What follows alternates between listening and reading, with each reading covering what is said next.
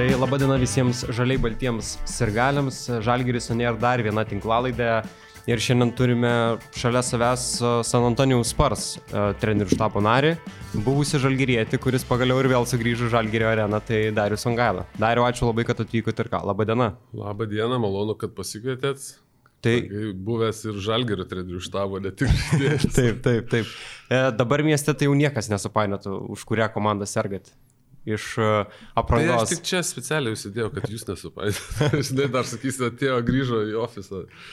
Pradėjo žmonės po to kalbėti, ar ne, gal nu, prisijungs prie žalgerio vėl. Jo, į žalgerį tai užsidėjau, kad nesusipaidėjau. Tai dariau pats e, šiandien sakė, taip pat stebėsit ir Eurolygos turnyrą, ar ne, kuris vyksta Žalgerio arenoje rungtynės, e, Žalgerio rungtynės. Koks tas jausmas vėl sugrįžti ir žinoti, kad bus rungtynės ir bus žmonės pagaliau po pusės metų arenoje? Nu, man žinai, iš burbulo, aš dar buvau žaidęs žalgris su Juventusu draugiškas, tas kaip, ten, kaip ir pusę uždaras, tai buvo atėjęs pažiūrėti tai labai keista, nes visai kitoks jausmas, kad kada žaidė arenoje ir visiškai arenoje tuščia, ten, žinai, keturi žmonės maždaug, tai su burbulu palyginus labai keista, aš tikiuosi šiandien, žinai, kiek mačiau iš vakar žiūrovų vis tiek yra, tai bus, nebus tas, kur totaliai emti, ir tuščia, žinai, tai bus įdomu ateiti ir pasižiūrėti ir komandą, ir, ir kaip visą tą atmosferą. Mums patiems labai įdomu buvo a, pasižiūrėti, kaip atrodys galbūt tie visi plojimai, ar ne per tiek ir galiu pripratę per 15 tūkstančių, bet tie žmonės matos, kad yra labai išsilgę to krepšinio ir a, net jie būdami daug mažiau pagal skaičių padaro panašų triukšmą. Tai. Natūralu vis tiek žmonės sportą čia komanda Kauno vis tiek Lietuvos visi suvažiuoja ir kaip tu sakai, to krepšinio nebuvo, ten baigėsi sezonas taip nevykusiai dėl tų visų pandemijų, tai žmonės įsilgia, aišku, dar dabar vis tiek vasarą gal visi kaimuose prie jūros ar kažkur išlieka, žinai, bet man atrodo sezono metu vis tiek ta atmosfera tikrai turėtų būti gera. Ką pats uh, nuveikėt pirmiausia grįžęs į Lietuvą? Kol Dvi savaitės sodyboje sėdėjau, karantinavausi, nu, kaip ir visi. Bet turbūt nebuvo labai liūdna sodyboje, mm. nėra jau tas blogas o, karantinavimas. Tikrai, tikrai ir, ir pažvėjoti, ir išeiti į mišką, ir su vaikais pažaisti, ir pasilgęs buvo tikrai sodybos ir to, to lietuviško grįžti namo, tai tas, žinai, ta sodyba toks man prie širdies labai dvi savaitės taip greitai praėjo, kad žmona sako, nu gal į Kauną važiuom, kad čia viskas gerai. Dar karantinas šiaip turėtų tęstis jau, ar ne? Nu jo, tai, bet e, nieko, nuvažiuojame ten atgal ir, ir viskas gerai, galim, ne, neužrakino niekas. Turbūt būnant ją labiausiai ir pasilgsit, ar ne, to sodybos, to medžioklės galbūt. Tai sodybos. taip yra vis tiek. Ten vis daugiau darbas ir to laiko tvarkaraštis gana įtemptas ir kelionių daug ir, ir su šeima mažiau laiko praleidi, tai ten daugiausia darbas darbas. Ir čia grįžus į Lietuvą, man gal truputėlį net lengviau, kad aš išvažiuoju iš Amerikos, nes tie treneriai, kurie lieka, aš ir dabar mes gaunam elektroninius paštus ir mes laiškus ir, ir konferencijas Zoom kolus turim ir dalyvauju ir viską, bet nėra to tiesioginio, kad ten, žinai, tai į ofisą ateikti, tą padaryti kažką atitrūkęs ir tas laiko skirtumas, tai man gal truputėlį daugiau atitrūksti nuo to viso reikalo ir čia grįžti kažkaip pasimiršti visą tą. Kada dabar reikės vėl sugrįžti ten atgal? A, šiaip planuoju oficialiai spalio pradžioje, bet visas priklausys nuo, nuo, nuo darbo vizos, kaip susiderins, kadangi žinom situaciją, COVID-19, nežinau, ambasados visokie tenais vizų reikalai, kaip susitvarkys ir kada iš karto susitvarkau, tai greičiausiai bus spalio pirmą savaitę, gali būti ir vėliau, aišku, dar priklausys nuo NBA sezono. Pats minėjot, jog buvot Disneyland ar ne, burbulė sezono sugrįžime. Kaip viskas atrodė ten iš vidaus, kaip NBA organizacijai pavyko viską suvaldyti? Šiaip tai pasakysiu, tikėjausi daug praščiau, ne tai, kad praščiau, bet kažkaip tikėjausi ne to, o kai nuvažiavom, tai buvo tikrai labai viskas įspūdinga. Taip kaip jie padarė ir ką jie padarė, nu tai buvo nerealu. Aišku, tu ten vaikštai tam viešbutį, rezortė, tu žinai, baseinai, viskas, teniso aikštelės, golfą gali važiuoti, žvejot, visą kitą, tu gal negauni tos socializacijos su ta visa kita žmogyje ten, kur aplinkui vyksta, bet vis tiek kiekvieną dieną tu susitinki žmonės ir restoranai, ir, ir tu gali vaikščioti, aišku, tie tos kaukės visą laiką, tie testavimai kiekvieną dieną pusantro mėnesio, žinai, tai gal kažkiek, bet po to jau, kai prasideda treniruotė, varžybos, treniruotė, varžybos, tas ta rutina ir, ir salės buvo padarytos. Sakau, aš tikėjausi kito, bet buvo tai padaryta labai jauku, nes viskas sumažinta ant tiek, kad tie stendai skaitmeniniai sudėti su žiūrovais, kurie gali žiūrėti tas visas interaktyvus ir, ir tas garsas, ir ten visi ten vis papildomi, kur žmonės, kad tai tikrai, aš galvojau, bus daug blogiau, bet buvo tikrai labai gerai. O tvarkaraštis buvo sudėliotas taip, kad kuo mažiau prasilenktumėt su kitomis komandomis. Kaip ten viskas buvo? Nėra, ten prasi, nu, mes gyvenom šešios komandos viešbutį, kitam viešbutį dar šešios, nu žinai, pasiskirsta mhm. po šešios komandas, tai ten, kur mes gyvenom, kiekviena komanda turėjo savo aukštą, bet kadangi tu išeini iš to aukšto ir vaikščiai visi video kambariai, visi valgymo kambariai, visi restoranai, viskas, tai tu praktiškai kiekvieną dieną su visais prasilenki. Ten nebuvo, kad jūs eisit tik šitų koridorium, kita komanda eis tik čia ir, ir tada niekas ne. Buvo lygiai taip pat, kaip dabar išeitum į miestą ir tu socializuojasi su visais žmonėmis, lygiai tas pats ten ir buvo, tik tais, kad mes buvom tam burbulė, niekas iš jo neišeidavo. Ten, jeigu kas yra ateidavo, tai ten iš karto mes atvažiavam, mums dvi paras užrakino į kambarį ir neleido išeiti. Tas 24 valandos, 48 valandos karantino. Bet mes jau prieš tai buvom pusantro mėnesio, kas antrą dieną testuojami San Antonijui, tai toks buvo kaip ir, kaip ir saugiklis. Aišku, ten buvo visokių nusižengimų ir dešimt dienų karantinų, bet, sakau, ten jautiesi visiškai normaliai, jeigu net ne tos kaukės ir ten visa kita, netestavimas, tai tu net negalvotum, kad kur, kažkur tu esi tam burbulė, ten kaip, kaip žinai, tam rezortė. Bet į Disneylandą jau nevažiuosi. jau užteko, ne? Jo, jau užteko, tikrai. Prisibuvot. Mhm. E, teko matyti video vlogus, kaip žaidėjai prieš išeidami iš viešbučio turėdavo prisiregistruoti, ar ne, su a, mhm. juostelę, su kortelė ir po to vėl įeinant vėl prisiregistruoti, kaip ten buvo, jums taip pat reikėjo? Taip, kiekvienas žmogus turėjo tą kortelę, ten praktiškai yra kaip ir tavo nu, elektroninis parašas, nes ten buvo pririšta ir to kreditinė kortelė, už ką tu ten susimoki į restoraną. Ne, į restoraną ateini, mhm. tam nereikia ten trauk kortelių, nelieti pirštais nieko, viskas yra prilieti, susimoki į kambarį, įėjai tas pats raktas, tuos visus ir ten daugiau buvo kaip toks, kiekvieną dieną esame testuojami, tai po kiekvienos dienos testo reikia tą sistemą, jie automatiškai, jeigu viskas gerai, į tavo ten tą laikrodį, ne laikrodį, tą apyranką perdoda ir tada jeigu tu palėti, užsidega žalias. Jeigu žalias, tada tu leiškisi gali mhm. praeiti. Jeigu užsideda mėlynas, kažkas negerai, kad neiti toliau į tą visą miestelį, kai tai buvo kaip, kaip prevencinė tokia žinesnė, jeigu tu protestavai ir tau kažkas suveikia, ar, ar ten tas būna netikri teigiami, žinai, kur gal tave iš karto pasiema, nuveda, tokių nebuvo, kad aš būčiau matęs, man vieną rytą buvo užsidegė mėlynas, bet dėl to, kad neįsilogino, nes ten su programėlė kiekvieną rytą atsikeldavai, 7, ten 6, kada keliesi, pasimatuoja temperatūrą, tas termometras jau pririštas prie programėlės tavo telefone, jisai net, net iš pradžių būdavo, kad tu, mes kai San Antonijo gyventai, aš pats įvesdavau temperatūrą, kiek yra. Nu, pasitikėdavau.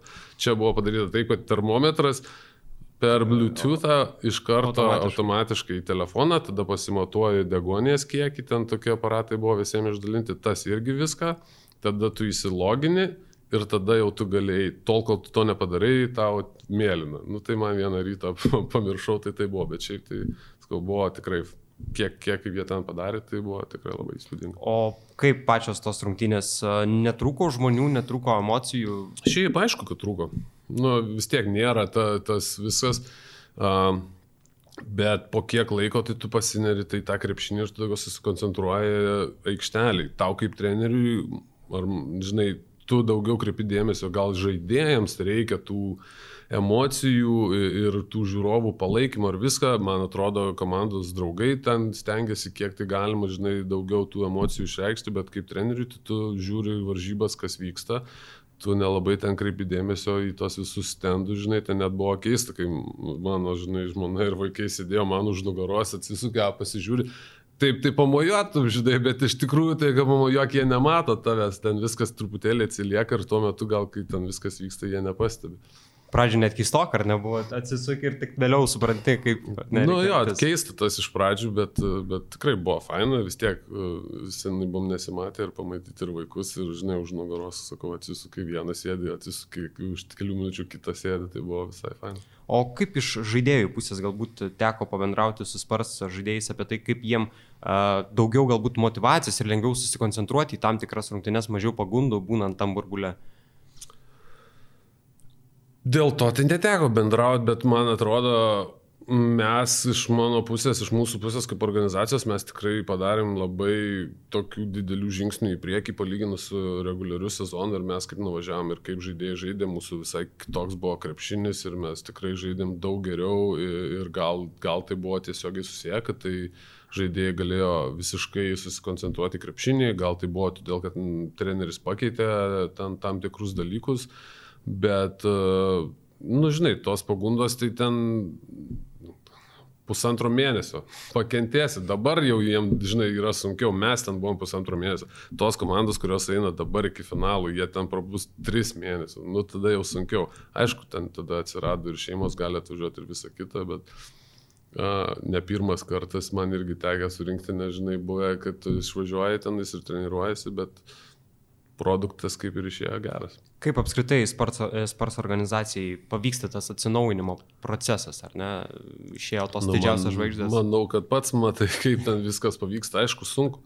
24 metai iš eilės e, atkrintamosios varžybos ir tada nepatenki, vis tiek atėjo tas ir, žinai, bet tai yra tikrai toks nuvau dalykas, nes visos, visos organizacijos praėjo ten savo, imkim dabar tuos pačius Lakersus ir netgi su Kobe jie nepateko į atkrantamasis varžybas ir buvo toks dugnas, žinai, po to vieną, dvi laimėjo ir po to penki metai dugne. E, Bostonas lygiai tas pats, bet kokią organizaciją, o Spursai gal ir nebuvo, kad ten visą laiką laimė, bet penki čempionų žiedai ir visą laiką buvo tas lygis išlaikytas, tai yra tikrai fantastiška, o atsinaujimo procesas sunku, kai tu visą laiką laiminėjai, tai tavo šaukimai ten kažkur dugne, žinai, tai visom kitom komandom yra daug lengviau, kai tu pastoja gauni tai pirmą, tai antrą, nu, top 10 šaukimų, žinai, per tuos visus metus susikaupia žaidėjai, kurie yra tikrai geri, talentingi, o kada tu visą laiką reikia, jau čia tada ateina komandos visi ten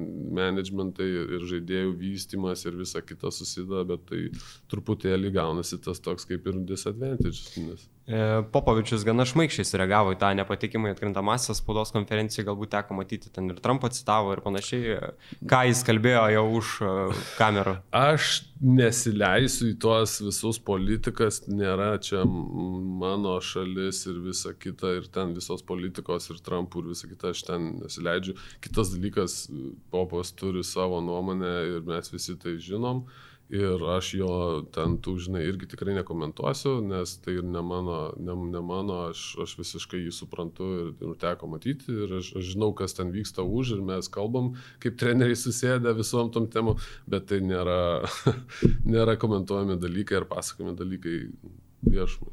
Pats prie sports organizacijos 2018 metais, ar ne, prisijungėt, kaip buvo tas prisijungimas prie sports, kaip tai įvyko?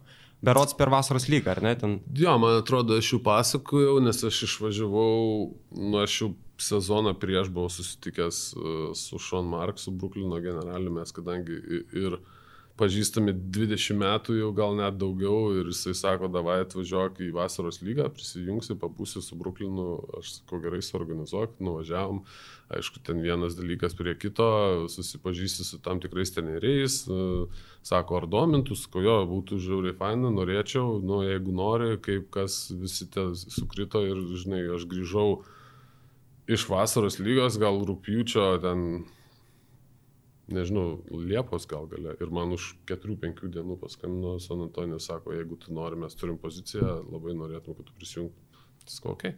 Bet į tą vasaros lygą su tą mintimi ir važiavot, ar ne, prie trenerių štabo MBA klubo? Taip, būtent, nes vis tiek ilgai nebuvęs, reikėjo atnaujinti ir visus kontaktus su visais, pasi, pas, vėl susisiekti, atsisės, pasisėdėti, nueiti vakarienę, nes ten yra visi ten visi generaliniai, visi treneriai, visi draugai, su kuriais ten komandos draugai, su kuriais žaidžiau, jau, jau dabar yra kitoj pusėje, arba treneriai, arba front office, ten žmonės generaliniai ir, ir visa kita, tai atnaujintos santykius buvo naudinga. E, kas buvo sunkiausia tais pirmaisiais metais? Buvo, ar ne, video koordinatorius ir e, pusę darbo reikėjo ir su žaidėjų vystymu, ar ne, darbuotis? Tas gal ir buvo sunkiausia, kad tu tada taip nuo to komandinio kažkokio kai tu visą laiką su komanda, visose treniruotėse, visose varžybose ir visose kelionėse ir tada tie pirmi metai man buvo žiauriai į naudą, kad aš išmokau visą tą video, kaip viskas vyksta. Ir ta, tais laipteliais nueit, nes tada tu vertini, tu žinai, ko gali reikalauti iš to video, savo video koordinatoriaus, tu žinai, kaip viskas vyksta, kiek laiko užtrunka, ko tau reikia ir kiek jam duot laiko, kad tau kažką padarytų, tai man dabar tas visas tas yra labai naudinga, nes aš visą tai žinau, o sunku buvo, nes aš mažiau keliavau, nevažiavau visas varžybas, daugiau laiko praleisdavau video kambarį negu prie varžybų už, už solelio. Tai buvo gal kažkiek sunkiau. Antroji sezono pusė kažkaip pasikeitė, tai jau tada pradėjau daugiau sėdėti už suolo ir, ir a, faina buvo žaidėjų vystimas, nes tada jau pradėjai bendrauti individualiai su žaidėjais, kaip viskas treniruotėse. Uh, buvo sunkiau, nes tu treniruotėse praktiškai vėl stengiasi viską kaip ta kempinė, nes nauja, kitaip, ne Eurolyga, ne Europa, NBA sistemos, visi treneriai, viskas kaip viskas vyksta. Tai tokie buvo kaip ir pažintiniai metai. Mhm. Bet turbūt kur kas lengviau buvo įsilieti į tą NBA kultūrą, kai pats jau rungtyniavot daug metų NBA. Kitoks taip, buvo tas nu, patekimas. Ir, ir žaidėjai vis tiek žino, ir kas, ir treneriai žino, ir tas vis tiek tu žinai maždaug kaip sistema veikia, tu žinai, kad tai taip ir taip bus, ir žinai tas treniruotės, žinai tą visą rutiną, tai aišku, kad buvo lengviau, nes tai nebuvo nauja, nauja buvo pareigos, darbo specifika O visa ta virtuvė, kaip ir vidinė, tai buvo praktiškai viskas tas pats. Pasikeitė kas nors nuo tų laikų, kai pats rungtyniavot? Žaidėjų galbūt kultūra, kažkokios tradicijos ar apskritai? Pasikeitė, bendras? daug pasikeitė. Atėjo visi analitikai ir daug visos skaičių. informacijos ir skaičių ir, ir žaidėjų ugdymas. Nu, aš vis tiek mano pirmi metai NBA buvo 2 treti Tai mes neturėjom, tada nebuvo nei, nei galygos, ne, nebuvo to vystimosi programos, nebuvo tų žaidėjų vystimo trenerių, buvo visi asistentai, ten jeigu tu nori individualiai, tai tu su treneriu ir dirbi. Aišku, ta kultūra buvo, tas žaidimas buvo kitoks, dabar viskas padaryta taisyklės, kad kuo daugiau taškų įmes, kuo malonesnis būtų žiūrėti, nu tada buvo biški kitaip ir žaidėjai buvo biški tokie, žinai, kresni, daugiau to grubesni, viskas tai šiek tiek pasikeitė. O patys žaidėjai, jų galbūt pomėgiai aikšteliai už aikštelio. Manau, visi žinom, ką daro socialinė medija kas yra labai dabar didžiulės platformos netgi žaidėjams, kurie iš to uždirba ir pinigus, ir tai yra viešuma, ir tai yra normalu, ir tais laikais to nebuvo. Buvo visai kiti ten dalykai, nebuvo Facebook'o, Instagram'ų ir, ir Twitter'ų ir visa kita. Ir dabar galvoju, kad ta socialinė medija tai labai didelį vaidmenį atlieka tose žaidėjų ir, ir ir visose formose, ir tose, ir stilius, ir, ir poelgiai, ir bendravimas, nu, žinai, viskas, viskas yra kitaip. E, pats užsiminėte apie tuos analitikus, apie skaičius, ar ne, kiek pati nustebino, kiek svarbu tai yra MBA, kiek daug tų skaičių, rengiant e, raportus, galbūt ruošiantis rungtynėms yra beprotiško dydžio skaičių ir ten informacijos, kur, mm, nuskau, man pasodino, parodė, kai viską prisijungti, aš sakiau, žiūrėk, man sakau, duok tą visą tą pagrindą, o ten viskas, kas bus aplinkui, ko aš tavęs klausiu. Nes ten yra tiek visko daug, kad ten net neįmanoma atsisijoti, nes kiekvienas varžybos ruoši, tai tu gauni papkę su ten priešininkų visais išanalizuotais galimais procentėliais ir kur iš kur meta kokį procentą, kaip kas geriau, kad labai sunku tuos visus atrinkti. A, tada tu pasiemi ten tam tikrus dalykus, kas tau yra svarbu, atsisijoji tos, ką tu galvoji, kad svarbu, o visa kita kažkaip ir lieka nuo šaliai, bet tada jie tą visą naudoja ir žaidėjų ten treidai ir, ir kaip nu, visus tos skaičius sudėt, ten jie ne tik tai varžybom paruošimai, visą, visą susideda. Aišku, kiekvienas treneris turi skirtingą tą savo, vieni naudoja tai labai dažnai, kiti naudoja mažiau. A, Popas gal yra toks žmogus, kuris tai naudoja mažiau, bet jeigu jam reikia kažkada, tai tu turi turėti visą tai paruoštą. Nes jisai nedažnai ne prašo, bet jeigu paprašo, tai reikia turėti. Nes jeigu atsisakys, tai kokį ten, kas, kaip ir ką, kokį čia procentą iš to kampo. Tai reikia žinoti, nedažnai būna, bet būna. E, jeigu pusę metų neklausia, tai nereiškia, kad dabar nepaklaus ar ne. Būtent, nes laiką pasiruošęs. Ne, ne tai, kad jis neklausia, paprasčiausiai varžybų metu tai jam nėra toks dalykas, kur man reikia žinoti ten mažiausias detalės, kad jeigu jisai po vieno driblingo, kaip Dončius pro crossoverio į kairę stebeką daro, tai procentas yra daug geresnis, negu jisai daro į dešinę. Nu, žinai, jam nereikia to žinoti, bet e, kartais, jeigu paklaus, tai Bet e, čia gal yra tų senesnės kartos galbūt trenerių, kad jie daugiau vadovaujasi nuojautą, ar ne? Manau, kad taip, skaičiais. manau, kad taip, vis tiek jauni treneriai, kaip ir išpasakiau, tu praeini visą tą video koordinatoriaus, tu tada praeini žaidėjų vystimą ir visa ta informacija su tavim keliauja jau nuo pačios pradžios labai sunku tą visą informaciją priimti, kad jau tu esi vyriausias treneris ir tavo kažkokio treneriavimo metais tai ateina, nes tai yra beprotiškai didelis inform... kiekis informacijos. Kai tu jau jį nešiesi tą bagažą su savim, tai yra daug lengviau, nes tu jau pripratęs, tu žinai, ką tie skaičiai reiškia ir žinai, iš kur jie ateina, kaip, kaip viskas vyksta. Manau, tai todėl vyresnės kartos treneriai, jie, jie naudoja, tikrai žinau, kad daug naudoja, bet, bet jaunesni treneriai gal tai daro daugiau. O jūs turėjote tą pirmą pokalbį? su Gregu Popovičiumi. Darbo pokalbį reikėjo kažkokį praeitį prieš apsivelkant spars marškinius? Visiškai ne.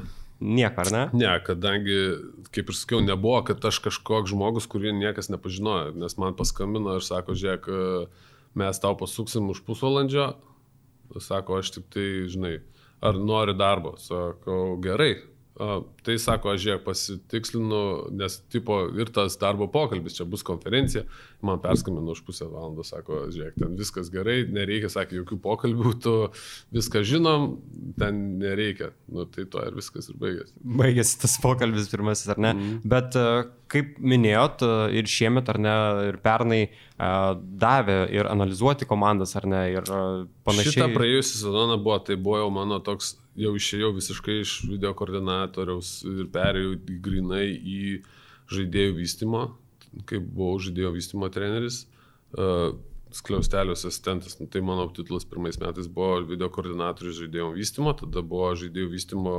asistentas. Uh, A, tai taip, teko, aš turėjau savo komandas ir man teko daryti šešias varžybas, jau šį praėjusią sezoną šešios varžybos iš visų buvo mano. Tai kažkaip buvo jau vėlgi tas kitas etapas. Jau iš video koordinatorius perėjai, ne, bet tada gauni tokią truputėlį kaip ir to asistento viso darbo, pamatyti, kaip kas vyksta, turi savo video koordinatorių, su kuriuo tu viską tvarkai ir ruoši tau medžiagą ir tu lygiai darai tą patį darbą, ką ir visi kiti asistentai. E, kaip minėjote, asistentai dėliojasi, ar ne, kiek per sezoną turi rungtynių, kurias turi analizuoti, ar ne. Mhm.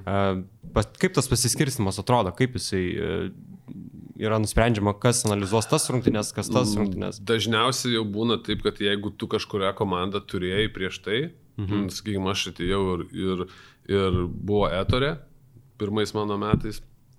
Tai jisai jau turėjo tam tikras komandas, Golden State'as, Denveris, ten sakykime Torontas, kurias jisai jau tam tikrą metų kiekį pastoviai turi ruošę. Tai tu ne, nepakeisi ir duosi jam visiškai naujas, nes jis jau tas komandas žino, žino trenerių, žino sistemą, žino, ką jie daro, žino, kaip kas veikia. Tai natūralu, kad tie treneriai tas komandas dažniausiai ir išlaiko. Kada keičiasi treneriai, keičiasi rotacijos, trenerių ateina naujas, tai jam kaip ir atitenka tos komandos, kurie jau treneriai jau nebeturi ir jam tenka tie visi. Nu, tai taip ir pasiskirsto maždaug. Ir kaip sekėsi pradėti tą pirmąjį uh, savo analizavimo komandos ir pateikti viską po pavyzdžių? Buvo, buvo daug lengviau negu galvojau, nes peržiūrėjau labai daug varžybų ir tu, žinai, ta, nes neturėjau daug jų, turėjau tik šešias varžybas. Uh, Bet buvo daug lengviau, nes tikrai peržiūri viską ir tu žinai viską, žinai, kas ką darys, tai labai lengva buvo ir, ir kai tu tiek varžybų peržiūri, žinai visus žaidėjus, žinai ten daugumą derinių, žinai visas tendencijas, tai kažkaip buvo, buvo gana lengva. Bet ir komandai reikėjo pristatyti, ar ne? Ne, tai tu praeini pra kiekvieną žaidėją, pasakai, tu demarai tam, su tuo, su tuo žaidėju tą dengsi, jisai daro tą, tą, tą ir tą, tau reikia ten taip ir taip. Ir tu kiekvienam startinio žaidėjui startinio penketo žaidėjų pasakai jų startinį penketą, pasakai jų tendencijas, ką jie daro, ką reikia atimti, ko gali duoti, ko gali neduoti, praeini pro visą, visą žaidėjų, visą komandą, pristatai komandai, tada turi 3-4 derinius, kuriuos aikšteliai praeini, parodai komandai. Ir tada prieš varžybas turim ten trumpą video, kur parodai, ką, ką jie daro, kad viską atnaujinti, kad atsimintų, užsurašai ant lentos pick and roll gynybą, surašai, ką mes darom čia, ką mes darom taip, kaip puolam, kaip ginamės ir planas. Popovičius užskaitė, liuksą iškelia, kad viskas gerai. Ar būtų gerai, jeigu laimėję būtų. ne, viskas buvo gerai ir, ir ne, negavau jokių priekaištų, tai supratau, kad viskas buvo tvarko. E, pats MBA atvykote iš Eurolygos, ar ne, Žalgerį darbavotės. E, kiek tos pamokos Eurolygoje Žalgerio komandoje persinešė į MBA? Ar viskas yra per daug skirtinga? Matai, kaip daugiau, sakyčiau, pamokos buvo man pačiam asmeniškai, kaip treneriui kaip išmokti matyti krepšinį kitaip negu žaidėjas mato. Nes aš kai pradėjau treniruoti, aš jau žaidėjau tiesiai į trenerius. Ir tai buvo visai kitai, nes tu kaip žaidėjas, tu nematai tų dalykų, ką mato treneris. Nes tu turi viską matyti. Tu turi atkreipti, kas kampe ką daro. Ne ten, kur kamolys visą laiką sėki, bet tai man gal daugiausia tas ir buvo, nes Šaras tai labai gerai daro, jisai viskam jau anksčiau, ir žaidėjas matė, bet man reikėjo to laiko, kad persiversti visą tai ir pradėti matyti visą tai aikšteliai, ne, ne žaidėjo akim, o trenerio akim.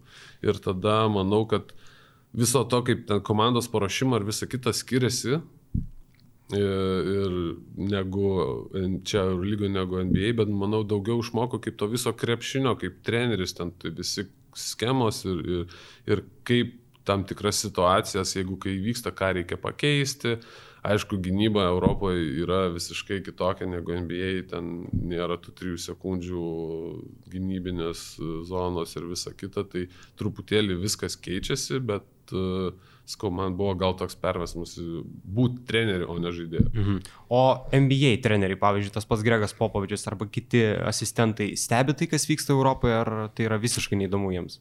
Stebin, kadangi Popas turi nemažai žmonių, su kuriais jis ir bendrauja Europoje, ir tas pats Želko, ir, ir, ir kiti, ir Etorė dabar, jie tikrai pasižiūri, ne, net nėra, kad pastoviai, bet tikrai pasižiūri kars nuo karto rezultatus ir, ir aišku, aš būna praeina popas, žinai, sėdi ofise, ten žiūri kokias Eurolygos varžybos jau, o, nu, kas čia žaidžia, ai, čia, o, Feder, gerai, nu, kaip čia, nu, žinai, ten jisai pasidomi, bet a, nėra, kad pastoviai, bet, bet per sezoną bent jau kelis kartus visą laiką paklausia, nu, kaip ten sekasi tam ir tam ir tam, kokį ten, kas, kas pirmoje vietoje, kas antroje, kaip ten Eurolyga visą laiką, kokius 3-4 kartus į sezoną, tai prie vakarienės stalo visą laiką pasiklausia. O lietuvis kokius apšnekat? Valančiūnas Sabonį arba...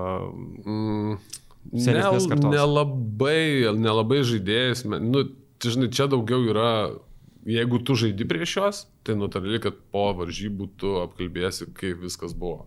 Ir, žinai, nu, su Valančiūnu mums šiais metais gavosi taip, kad jis kiekvienas varžybas sužaisdavo prieš mus. Tai, ta, tai man sakė, sakė, ką tu darai su juo naktį prieš, neveikia, daryk kažkaip kitaip.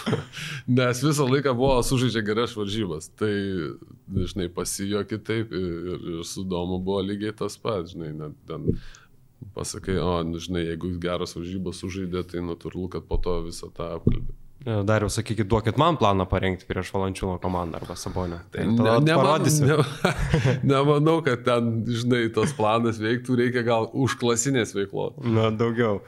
O su Gregu pakalbot, pavyzdžiui, apie tai, kas būdavo Lietuvos rinktiniai, kai žaisdavo, ar ne, nes tikrai čempionatas yra tekę susitikti. Tai mes esam žiūrėję netgi Lietuvos rinktinės, mes, aš sėdėjau ofise, jisai sako, ateik čia, nu, ir žinai. Kurią žiūrėjote ar šiaip? Buvo ir iš, iš olimpinių varžybų, Aha. buvo ir iš, iš pasaulio čempionato. Sako, ir žinai, atini į video rūmą, didelis ekranas ir visi, žinai, susėda, o žiūrėk, tu sako, gali išmokyti mūsų žaidėjas taip daryti, nes, žinai, ten to senas ar iš Londono, ar iš kai kurių varžybų, nes ten popas ir nuo, nuo senų laikų jisai buvo asistentų, nuo ten vos ne 2000-ųjų. Tai jisai visas tas olimpiadas ten labai uh, atsimena ir, ir ir būna, kad pasižiūri, pasiklausia, pasikalbame apie tas visas. Mhm. O pačiam kaip treneriui, kiek Gregas arba kiti trenerių štabo nariai, Čipas ar ne, yra labai garsus, taip pat uh, treneris Pars, Timas Dankanas yra komanda, kiek galbūt kaip treneriui jums duoda tokie mokytojai, ką pavyko iš jų pasisemti? Uh, visiškai kitokie treneriai, nes popas tai aišku yra krepšinio, jis ten geriausias treneris, o ne planetui, sakykime, Čipas yra geriausias pažydėjimų vystymo treneris. Ir tie metai, kur buvo, žinai, praleisti mano tie pirmie metai, kaip ir video koordinatoriaus tose rogėse, žinai, vėžiose, lygiai tas pats buvo žaidėjo vystymio. Nes tu gali ateiti pravesti individualią treniruotę bet kuriam žaidėjui ir ten prigalvoti derinių ir ten, žinai, pamėti. Bet tai, ką jisai mato žaidėjo ten metime ir kaip viskas turėtų būti, technika, kur, kaip pakreip, psichologija, kaip prieiti prie žaidėjų, kad jiem pasakyti, nu, žinai, neteisi žaidėjus, sakysi, žiūrėk, pas tave blogas metimas, ten š ir mo, mo, tu dabar mesi taip, reikia tai kažkaip žaidėjų pateikti, kad jisai priimtų. Jisai yra žiauriai geras tame, kad jisai vos ne padaro taip, kad pats žaidėjas sugalvoja, kad man reikia pakeisti metimą, nes aš, žinai, prastai metu baudas, ar, ar, ar man kažkas kito tokio. Tai geras ir psichologas galbūt, mokantis. Taip, labai, labai geras ir psichologas, labai geras krepšinio kaip to viso žaidėjų vystimo, to ma matyt, ką žaidėjas gali ir kas iš jo gali būti, ar jis tai turi kažkokį dar potencialą, ar tai yra jau lubos. Tai, jo. O pačiam asmeniškai, kurią pusę labiau nori įsikrypti? Į vyriausio trenerio ar individualaus vystimo? Aš norėčiau daugiau į vyriausio, nes man individualaus vystimas taip, tai yra įdomu, bet tai tam tikram lygiai sustoja ir aš norėčiau daugiau. Aš įsivaizduoju, kad būdamas individualiu treneriu, tu turi pats save nebent perspjauti, ar ne? Taip, nu, tu turi irgi susirasti tam tikrų tada motivacinių dalykų, kas tave ten turi motivuoti, žinai, kad tavo žaidėjas, e, kuris buvo G lygoje, po penkių metų yra kažkoks ten All Staras, ar, nu, žinai, kažkokį vis tiek, kažkokį tą... Ta turi motivaciją kažkokį tai tikslą kažkokį turėti. Kai tu esi vyriausias treneris, tai tavo tikslas laimėti varžybas. Ne? Tu turi žaisti, kad komanda žaistų, kad tu laimėtum ten NBA čempionai ir visa kita. Kai individualaus, žinai, vystimo treneris, tai jau kažkur reikia kažką kitaip žiūrėti. Šiemet teko pačiam, ar ne, būti to vystimo treneriu. Kaip atrodė treniruočio procese jūsų darbas, visa rutina? Uh Šiaip pas mus labai taip įdomu, aš nežinau kaip kitose komandose, bet mūsų treniruotės, jeigu 11 val. tai mes ofise 7 jau sėdim, laukiam, žaidėjai nuo 8 pradeda ateiti ir, ir jau aišku patys jauniausi žaidėjai, jie ateina, ten nuo 8 pasidaro savo visus jos meninės, visus sutvirtinimus, visus apšilimus ir nuo 9 val. jau pradedam dirbti aikšteliai, kiekvienas žaidėjas turi savo pusvalandį. Tai keturi treneriai, keturi krepšiai atskiri, kiekvienas po pusę valandos atidirbai, išėjai atėjo kitas ir iki treniruotės praktiškai visi žaidėjai, išskyrus gal mūsų žvaigždės, turi savo 30 minučių individualią treniruotę. Ir tada mes 11 val. turim treniruotę, treniruoti kiek trūksta, jeigu kam reikia papildomai po treniruotės pamėtyti, visą laiką pasiliekam. O žvaigždės ką, nereikia jom ateiti, ar jos leidžia savo? Ne, ne, jiems nereikia, bet jie dažniausiai tai daro po treniruotės. Mhm. Paprasčiausiai, nes nu, nenori anksti keltis, a, nes tada reikėtų ir jaunimą, tada stumti ne 9 val. 8, tada ir, ir, ir Demaras, ir Elai jie pasilieka dažniausiai po treniruotės. Bet yra visgi, ar ne tas, kad žvaigždės ir, ir kiti žaidėjai, kurie galbūt dar nėra tiek įrodę? Natūralu, užtarnauta. Taip, nemanau, kad būtų sakytų, o dabar tas ateik, demarai, tu tą pačią 8 valandą, kaip ir va šitas jaunas Lukas, žinai, mūsų sąmonės. Nu,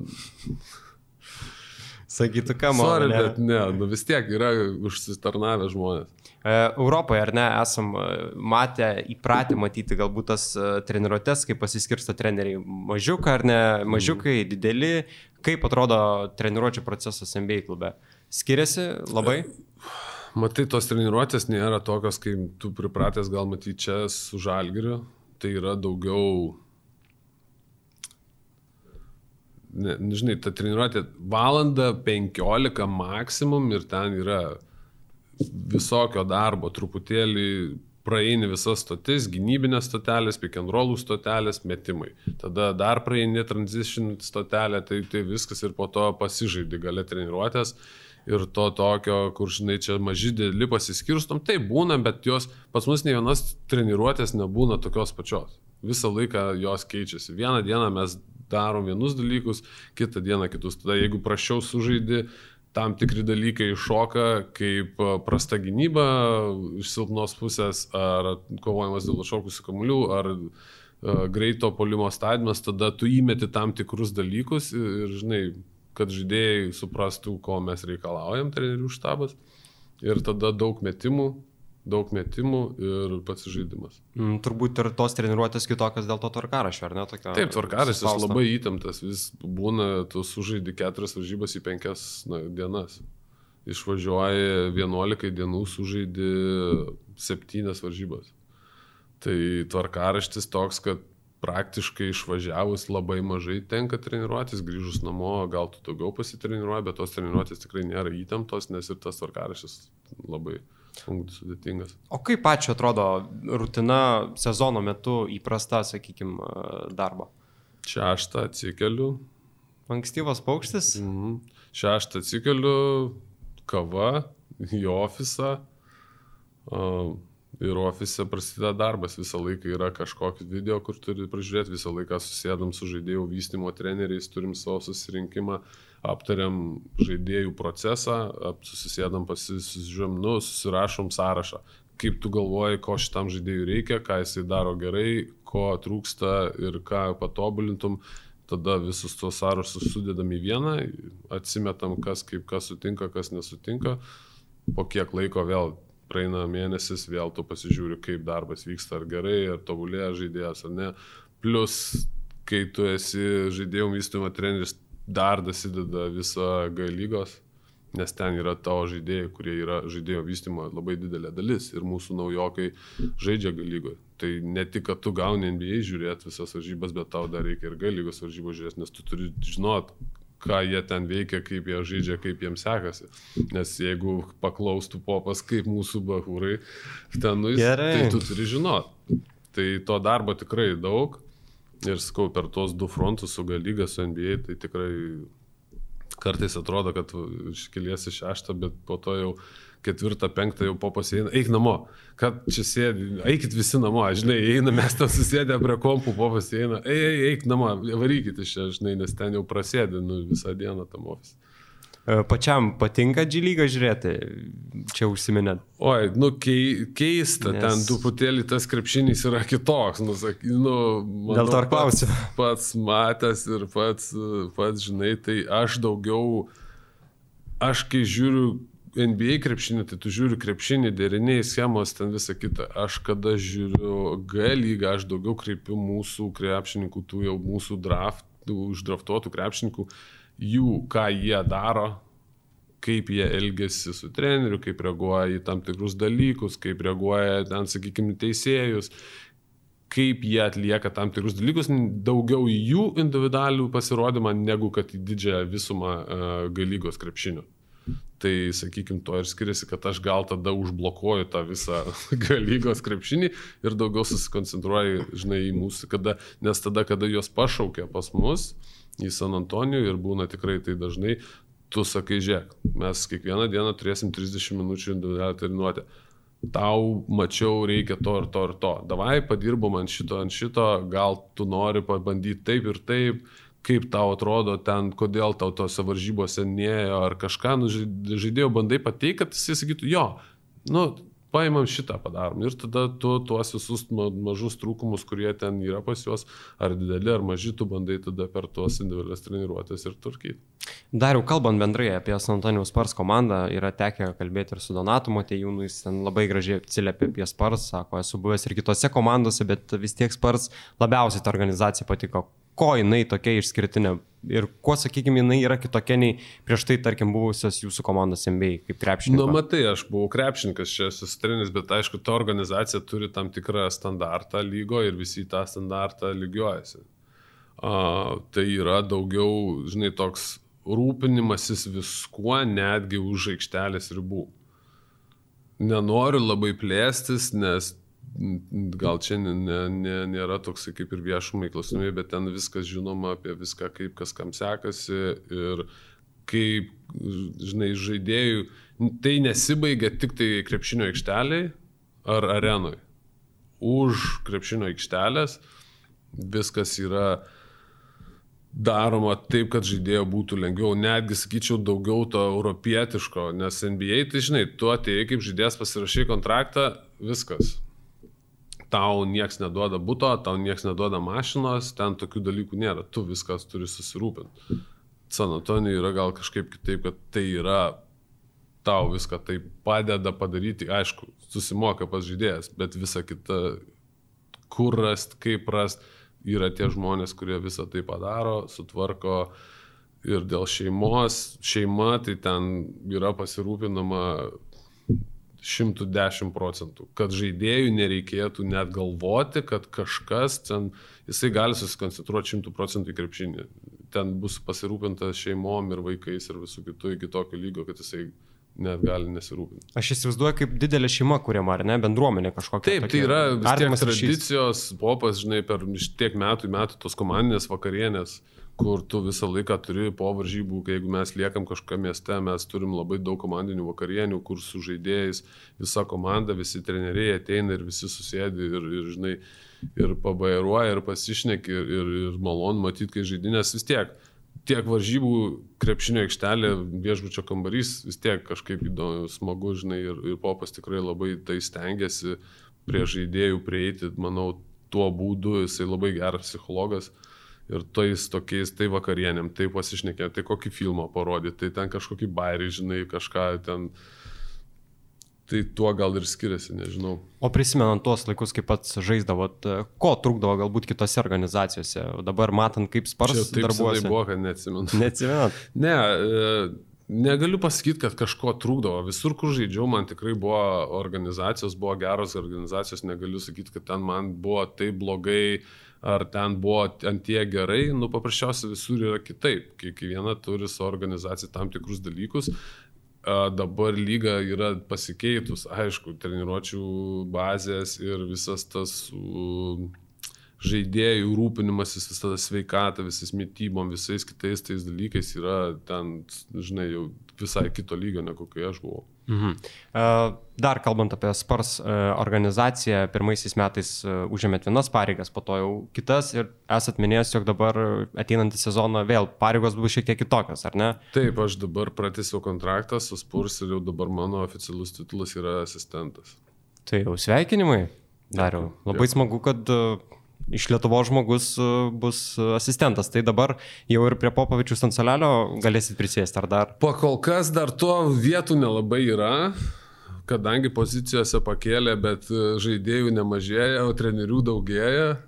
Tai pozicija, tai pareigos pasikeitė, bet aš sėdėsiu, manau, už, už antroje eilėje, bet tik tiek, kad bus uh, mano darbo specifika jau daugiau eis ir tas bus daugiau varžybų. Paprasčiausiai šiais metais turėjau šešias, ateinantį sezoną gal turėsiu šešiolika. Kaip tas toks organiškas kilimas laiptais duoda šansus, pars reikia tik pasinaudoti, sunkus darbas? Jeigu tu gerai dirbi ir tu ir darai savo darbą gerai, jie tada tau duos šansą ir eiti tam kopėtėlim aukščiau. Tai manau, mano situacija taip ir buvo, nes aš reiškia, aš gerai padariau darbą pirmais metais ir antrais, jeigu kiekvienais metais yra kiloma tom kopėčiu. Yra kažkoks pokalbis su GM, su Popovičium po sezono, kokie tikslai, kokie lūkesčiai? Su GM tai mes kalbėjom, jeigu tu klausai apie mano tam tikrą darbą, tą mano darbo tą vietą, o su Popu pokalbiai labai įdomus ir pas jį labai viskas paprasta. Gerai, Jeigu jis pasakė gerai, reiškia gerai. Ten nėra kažkokio tai trinimo aplinkui, nu žiūrė, nu žinai, viskas gerai, super. Kitais metais davai ten, žinai. Jisai labai paprastai ateina, pasako, ką galvoja ir kaip viskas yra. Su generaliniu, aišku, vis tiek susėdi, kontraktai derinami, tu daugiau sikalbėsi, kaip kas ką ir, ir visa kita. Mhm. Uh, teko girdėti ir apie jūsų treniruotės ir mūšius prieš Timo Dankaną. Kaip ten būna? Ai, ten, ten ta, žinai, veteranų lyga dabar pas mus, e, nes e, Timis ir Prai, ir pirmais mano metais ateidavo į treniruotės praktiškai visada, tik tai pasižais netekdavo, o kadangi dabar buvo, e, tai mūsų ten tas stafas yra tokie pažaidžiantys, video berniukai, mūsų koordinatoriai yra penki, irgi visi krepšininkai, nes visi žaidė universitetuose krepšinį ir dabar eina į tą visą treniravimo procesą. Tai gana neblogos varžybos gaunasi, aišku, ten mes daugiau trekus vaidom negu kad po krepšiais grūmėmės, bet tikrai įdomu pasižaisti. Mm, Timas toks pat ramus, kaip atrodo iš šono. Jo. Mhm. taip, taip ir atsakinėja, ne? Bet kaip treneri aš įsivaizduoju, kad jam gana sunku turėtų būti, jeigu jis tokio... Ne, matai, jisai gal nėra pas jo to, pas jį dar to inštransliavimo, bet su žaidėjais jisai bendrauja. Nu, žinai, tą padaryti ar tą padaryti, jisai visą laiką pasakys, jisai nėra tas, kur mm, nebendrausi, žinai, tylenis, ne, jisai labai komunikabilus žmogus ir bendraujantis, bet jeigu jisai nemato poreikio tam, jisai to nedarys. Kadangi trenerio pareigose to reikia, tai jisai tai daro. Mhm. Gerai, dariau, pereikim prie žiūrovų klausimų, aš čia net nebuvau užsiminęs. Bet čia nieko net nežiūrėjau, va čia žiūrovų klausimai, čia buvau pasirašęs savo neužmečių nei akies, bet Tai padovanosim mes Žalgirio Shop įsteigtus prizus, reikės vėliau pasirašyti, labiausiai patikusiam klausimą galėsit pats išrinkti, matėt Instagrame tai galėjau užduoti. Tu, ne, ne, išrinksi. aš nerinksiu, nes po to žmonės sako, čia tu savo, savo draugam, dar kažką. Tai. Na, matai. Kaip... Tai va, tai nenoriu, kad būtų. Lauk, reikia pasitikrinti, gal koks draugas paklausė klausimą. Gerai. Jam irgi, jam irgi duosiu. Ne, nebuvo parašę žmonės, nes pasidalino. Man asmeniškai žinučių ne, aš tik tais mačiau, kiek komentaruose ten jūs buvo prirašyti vakar Po Teko paskaityti. A, bet gal tuo metu, kai aš žiūrėjau, buvo dar kokie tik 5-6 klausimai. Jo. Tai storis daugiau pridavė. Storis buvo daugiau, aš tik tai jo. komentaruose mačiau. Tai va, Žalgi ir Shop įsteigė prizą, kurie jau yra pasipildę ir naują sezono kolekciją, tai galima užsukti ir pasipuošti. Nu ką, mes dar jau tada pradedam. Man tas klausia, šiaip labai žmonės prisiminė ir laikus jūsų iš NBA, tai bus šiek tiek ir apie tai klausimų, kaip pas dar žaidėt. -hmm. Tai pirmas klausimas, man tas Lukauskas klausė, kadangi pats esu iš Marijampolės, įdomu, kaip jaunuolis mažesnio miesto išvažiavo į MBA, tiksliau iš pradžių į JAV universitetą, o vėliau jau į MBA. Kaip viskas vyko ir kada kilo tokia mintis? Oi, labai ilga istorija. Aišku, Turim viskas laiko. prasidėjo, žinai, viskas prasidėjo nuo to, kad pradėjai žaisti krepšinį. Nuo 9 metų pradėjau ir aišku, turi žaisti tam tikram lygiai, kad patekti į tas visas jaunučių rinktinės ir visa kita. Ir man, aišku, krepšinis gana gerai sekėsi. Uh, kadangi žaidžiau gerai, atėjo pasiūlymai išvažiuoti į Ameriką, vidurinę mokyklą ir universitetus. Ten nuvažiavus lygiai tas pats, tu žaidi, tobulėjai, tave pastebi universitetai, išeini į Veiforės universitetą. Ten toli žaidžiau, žinai, 2000 olimpiados, rinktinės, natūralu, tu jeigu dirbi, tobulėjai kaip žaidėjas, atini iki tam tikro lygio ir tada taip išėjo, kad ir mano stotelė ir buvo NBA. O nebuvo baimės pirmą kartą išvažiuojant į universitetą? Išvažiuo... Ne, į universitetą neišvažiavau iš pradžių, išvažiavau į vidurinę mokyklą. Į vidurinę. Ir važiavau, nežinojau kur, nežinojau, kas tai, mane ten pasitiks. Paprasčiausiai, žinai, nebuvo mobilių telefonų tais laikais. Tu ne, nes, o, čia parašyk man per, žinai, messengerį, aš lauksiu tavęs ar ten FaceTime pasiskambys. To nebuvo, buvo telefonas, jeigu tau reikia, tau man davė ten numerį, aš to numerio ten nesuprantu. Žinai, Lietuvoje tada tie numeriai ten buvo šeši skaičiai, gal maksimum ir penki. A, duoda numerį, sako, jeigu nebus ten to žmogaus, a, nebūt gali. tai ne, bet važiuoja taip nežinomybė. A, vieną tą aš esu susidėjęs ten mažytę, atvažiavau, atskridau į Bostoną, buvo žiauriai vėlų, ten kokią gal 11 val. jau naktis. Ir žinai, aš nežinau, kas mane pasitiks, nieko, aš iš jos tašėt, jo treneris mano, sakė, labas, aš Džeimi, tu darius taip, važiuojam. Mes sėdom į autobusiuką ir mes 3 valandas važiavom iki tos vidurinės mokyklos, kuri buvo New Hampshire valstijoje. Vidury nieko ten aplinkui, tik tai kalnai, ežerai ir briedžiai su meškom vaikščio. Atsikėliau ryte, sako, žiūrėk, varom į žygį, visa mokykla. Kuo, kokį žygį, žinai, tris valandas pamiegojęs į kalnus į žygį. Tada susipažinai su visais žmonėmis, su komandos draugais ir, nu, toks buvo kaip ir šaltas dušas greitai įmetė į tą situaciją, bet tai gal buvo ir gerai, nes nereikėjo sėdėti ten, žinai, galvoti, ar kai, kur aš čia būsiu ir taip toliau. O tai kaip su anglų kalba tada buvo normaliai? Jau? Tai šiek tiek mokėjau. Vis tiek nebuvo taip kaip dabar, bet vis tiek kažką, viską tą, ką aš norėjau maždaug pasakyti, galima buvo pasakyti, gal ir su kažkokiam klaidom, gal kažkiek nesuprasdavai, bet uh, tam tikros anglų žinios tai vis tiek buvo. Bet pačiam asmeniškai prilipo, ar ne, ta MBA kultūra, ta JAV kultūra galbūt uh, taip, jeigu ir dabar tai... vat, noras buvo grįžti ten. Tai, žinai, prilipo. Uh, nuvažiuok pragyvenk ten 15 metų ir tada tu man galėsi pasakyti, ar tau prilipo ar ne, žinai. Gal kai tu išvažiuoji 2-3 metai neprilimpa. Uh, man buvo žiauriai keista dabar ties po viso šito laiko, kai aš grįžau į Europą, atžaidžiau, atreniravau 3 metus ir nuvažiavau į Ameriką, jau į Spurs. Ir vėl įsėsti tą, į tą mašiną ir visą tą Amerikos, tą visą rutiną, kur kaip kas veikia, buvo žiauriai keista, nes aš jau buvau pripratęs prie Europos. Tai, žinai, tas prilipo, tu paprasčiausiai pripranti nes tai yra jau norma kiekvieną dieną, tai yra taip. Kada grįžau į Lietuvą, į Europą, per visą tą laiką irgi pradžia buvo žiauriai. Ai, tai kaip čia, kur čia tas veikia, kaip ten nusipirkti, kaip su telefonu, kaip su internetu, kai, žinai, pripratai, tai yra norma, tada tu vėl išvažiuoji ir vėl, aha, dabar viskas biškit kitaip. Tai va, atsakė man tai klausimą, viskas organiškai įvyko, ar ne? Tiesiog pradėjau žaisti ir išvažiavote ją. Darius klausė, kuris komandos draugas įsiminė kaip didžiausias autoritetas ar lyderis? Hmm. Šiaip sakyčiau, mano pirmi metai sakramente buvo žiauriai įspūdingi metai, kas liečia tų autoritetų ir lyderių, nes ten buvo tikrai tokie, žinai, ne tik NBA, bet pasaulinio lygio, nu, žinai, paimk Vladė Divacas, legenda, ne, Pežas Stojakovičius, uh, Chris Weberis, Brad Milleris, uh, Mike Bibi, Bobby Jackson. Nu, skau, aš ten buvau vienintelis rūkis, kitas nuo manęs buvo per tris metus Gerald Wallace, kuris vėliau vėl tapo NBA žvaigždė, nu, žinai, All Star.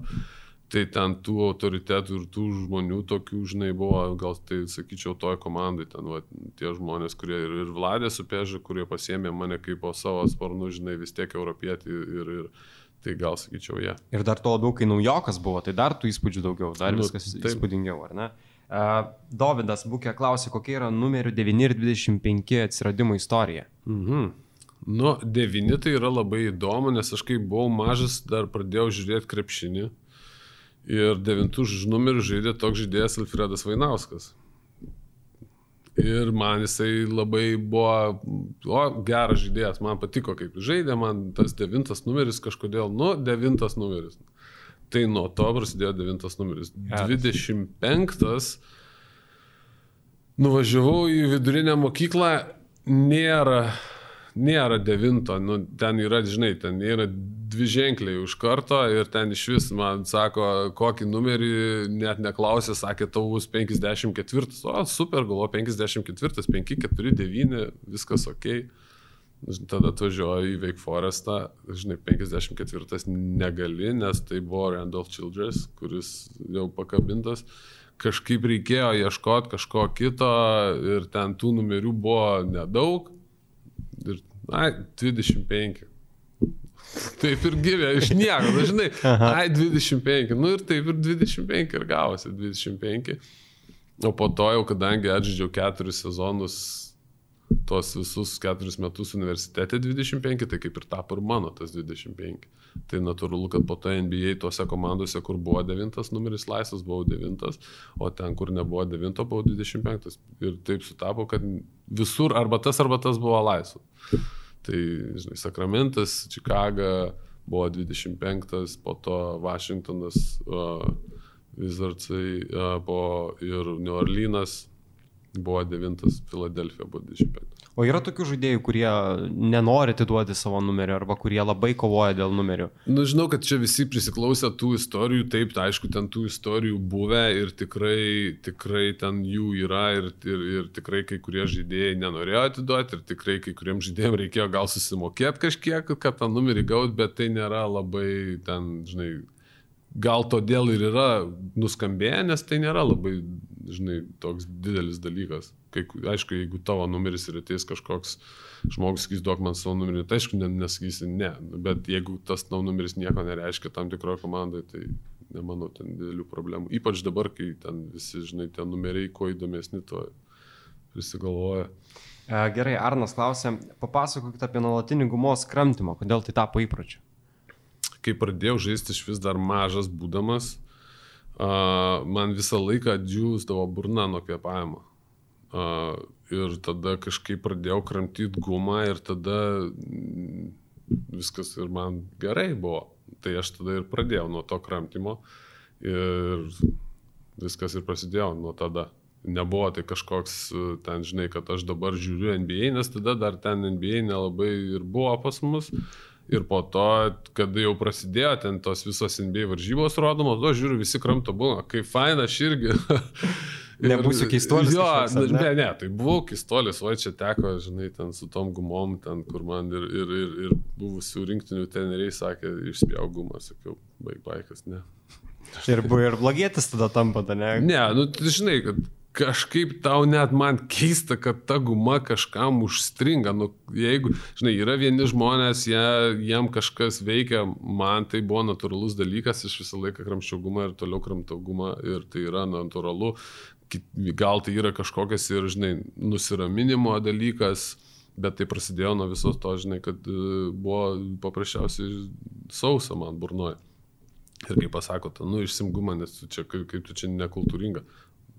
Nekultūringa, rimtai, čia jeigu pradėtum kalbėti apie kultūrą, tai nekultūringa jau būtų keiktis tiek daug. Turbūt ta guma mažiausiai. Jo, mažiausias dalykas, žinai, kas, kas ten turėtų. Pano. E, Karolis čia, karaliukas kažkoks. Ar esate gavęs asmeninį pasiūlymą reklamuoti kokią nors gumą? Ne.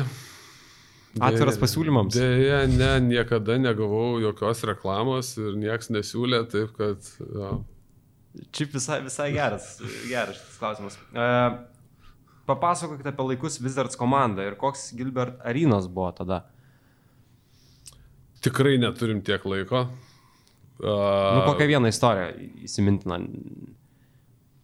Ne, nu, žinai, viena istorija įsimintina, kas visi galvoja, kad jisai išprotėjęs, taip, ne, tai ne, išprotėjęs, žinai, bet man iš tos pusės, kad mes uh, buvo, dabar negaliu pasakyti, kurie būtent sezoną, man atrodo, buvo gal 8-9 ir kada jisai nepateko į Amerikos rinktinę, uh, ta aštuntų metų olimpiadą, buvo visi asistentai treneriai, nu visas, visas tas štabas trenerių ir aišku, jisai buvo žiauriai supykęs. Ir tada mes išvažiavom į vakarų konferencijos kelionę ir tada iš tų ten trenerių mes žaidėm šešias varžybas.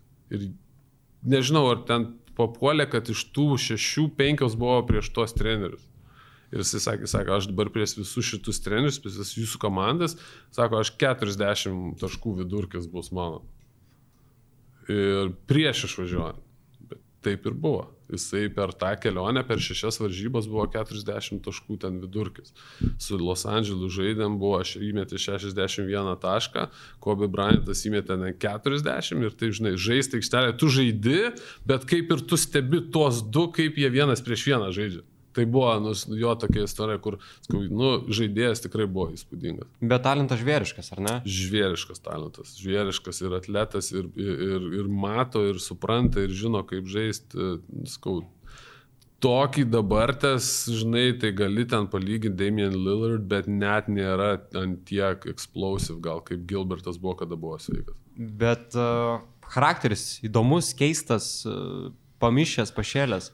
Ir įdomus, ir keistas, ir, ir pašėlęs, man su juo visą laiką buvo gerai, visą laiką gerai sutardom, visą laiką nebuvo jokių problemų, uh, žinai, ne, tai aš su juo neturėjau jokių konfliktų, man buvo su juo gerai, jisai turėjo, aišku, ten savo tų kabliukų gal su kitais, buvo tų istorijų su jaunimu, kur ten viskas baigdavosi skaudžiai, bet skau man tai jisai buvo, žinai, geras komandos draugas, man asmeniškai. O koks dar komandos draugas yra įstrigęs? Galbūt kaip pavyzdys, arba šiaip labai pavyko susibendrauti, arba irgi įdomus, keistas. Šiaip aš, žinai, aišku, turėjau tų žaidėjų, su kuriais ir dabar mažiau bendrauju, bet tam tikri žaidėjai, kuriuos ir, ir daugiau bendrauju dabar buvom ir tam burbulė, ir, ir su pačiu Bobby Jacksonas, kuris dirba treneriu, žinai, ir mes atsisėdom, nes jisai Šiaurės Karolinoje gyvendavo. Tai pasibendrauju yra ir Anton Jameson, su kuriuo, žinai, pas, jisai dirba Vizursuose, kur dar ateini ir atsisėdi pasišnekė apie senus laikus. Ir tas pats Sean Marksas, kuris yra GM Brooklyno, su kuriuo irgi, ma, jisai buvo mano, kai aš atvažiavau į Cal Berkeley universitetą aplankyti, jisai buvo tas žmogus, kuris man aprodinėjo, žinai, viską. Tai aš su juo supažinau dar prieš koledžą net. Tai pas mus tokia ir po to mes NBA kartu, žinai, iš komandose buvom. Tai iš kiekvienos komandos, gal jeigu tai paėmus, vis tiek po vieną, du žmonės, su kuriais vis dar, žinai, atvažiuoji, susibendrauji. Tai ne, negaliu išskirti vieną kažkokią, bet paprasčiausiai su pora iš visur kažkur turi kažkokį santykių, kur, žinai, nueini vakarienę atsisėdi. Gerai, uh, Captain JV klausė, sunkus dažniausiai būna tokie klausimai, bet e, gal pavyks kažką atsiminti įsimintiniausias karjeros dėjimas. Tokius, kur reikia greitai prisiminti, yra gana sunku, bet gal kas, kažkas yra įstrigę.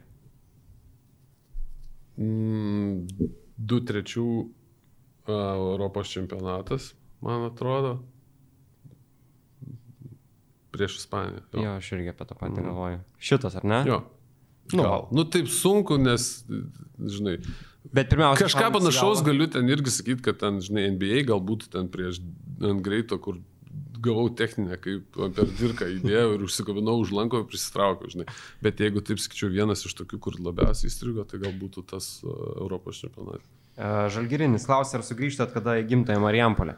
Uh, sugrįžtų, buvau aplankyti ir, ir mamos, ir sesės, tai ne taip dažnai, bet sugrįžtų. Ten e, galėtų žmonės sutikti, ar ne, kartais Marijampolijus. Retai, bet galėtų gatviai. Tai tas gatvės sutikimas tai nelabai, nes ten viskas dažniausiai būna pravažiuoja iki tėvų, žinai, ir nueini. Tai nebent prie namo kažkur, bet gatviai tai nelabai, ne nebent, žinai, būtų kažkoks ten renginys ar kažką. Tai. Ir paskutinis klausimas. E, Raimis klausė, čia net papasakoja šiek tiek rezultatyvus perdavimas, puikus epizodas gynyboje, permint kamuolį ir trys taškai greitoje atakoje lyginant rezultatą likus penkiom sekundėm iki rungtynių pabaigos. Pavyksta atsiminti, e, prieš ką čia žaidėt, prieš kokią komandą? NBA. Šarlotė. Prieš Ball, Bulls komandą. Prieš Čikagos Bulls. Aš žaidžiau už Bulls. Jis rašo žaidžiant prieš Bulls. Tai gal susimaišė? Susimaišė. Aš žaidžiau už Bulls ir mes žaidėm prieš Šarlotę. Ir tai buvo mano pirmas tritaškis e, NBA, kada išlygino rezultatą. Vienas įsimintiniausių epizodų NBA klausė. Atkarpų taip, gali, da, jo, taip gali būti, kad atkarpų, jo, nes tai vis tiek, ta komanda, mes kaip buvom jauna komanda, mes ten visi nebuvom, neturėjom jokių tokių labai dar didelių žvaigždžių, visi buvom tokie jauni, žiauriai užsivedę, labai gera atmosfera buvo ir tai buvo, Čikago buvo vieni geriausių mano, mano metų sezonas, kas, sakykim, pavykęs geriausiai. Tai Tai va, pravarėm visus klausimus pagrindinius, kuris labiausiai strigo dariau pačiam, kuriam duodam žalgerį šio prizą? Nu gerai, duokim tą užgumą, tegu, užgumą? tegu turi, jeigu turi kažkokį... Apie nuolatinį gumos kramtimą ar reklam, reklamą? Ne, už reklamą. Už reklamą. Jo, nes nepagalvoja niekas. Va. Tai tam žmogui, kuris pagalvoja, tai duokit prizą. Karolis Pakazek. Laimitai, dariau pasirašykit ant kamoliuko parašą prisiminsit, kaip reikia vėl dėti, kada paskutinį Oi, kartą teko parašą dėti? Pamiršau, aš pastoju pasirašinėjau nors. Uh, tai va, uh, Žalgiris Shop įsteigė šios uh, prizus, o mes turim ir momentinę loteriją, vėliau dar jau galėsim pabandyti nutrinti, gal kažką pavyks laimėti. Uh, tai vienas iš būdų sirgti už Žalgirį, tai įsigyti momentinės loterijos bilietą už Žalgirį, palaikyk savo komandos pergalės ir pats laimėk. Žaliai baltas momentinės loterijas, uh, būtent už Žalgirį gali tau atnešti iki 20 tūkstančių eurų laimėjimą. Tai va tokia yra e, Žalgiri momentinė loterija ir toks buvo mūsų pokalbis su Dariumi Sungaila. Ačiū labai, jog radot laiko. Eisim dabar žiūrėti rungtynės, ar ne, Žalgiri arenai. Pakvietėt, taip, lauksim varžybų. Nu ką, labai buvo smagu ir jūs ką, stebėkite, sekite Žalgiri Soner, kviečiame ne tik pasiekti Žalgiri Soner tinklalaidę Facebook bei Instagrame, bet taip pat ir Žalgiris YouTube kanalą, tada pamatysite visus mūsų vaizdo įrašus pirmus. Ačiū labai visiems stebėjusiems ir iki kitų kartų. Viskas.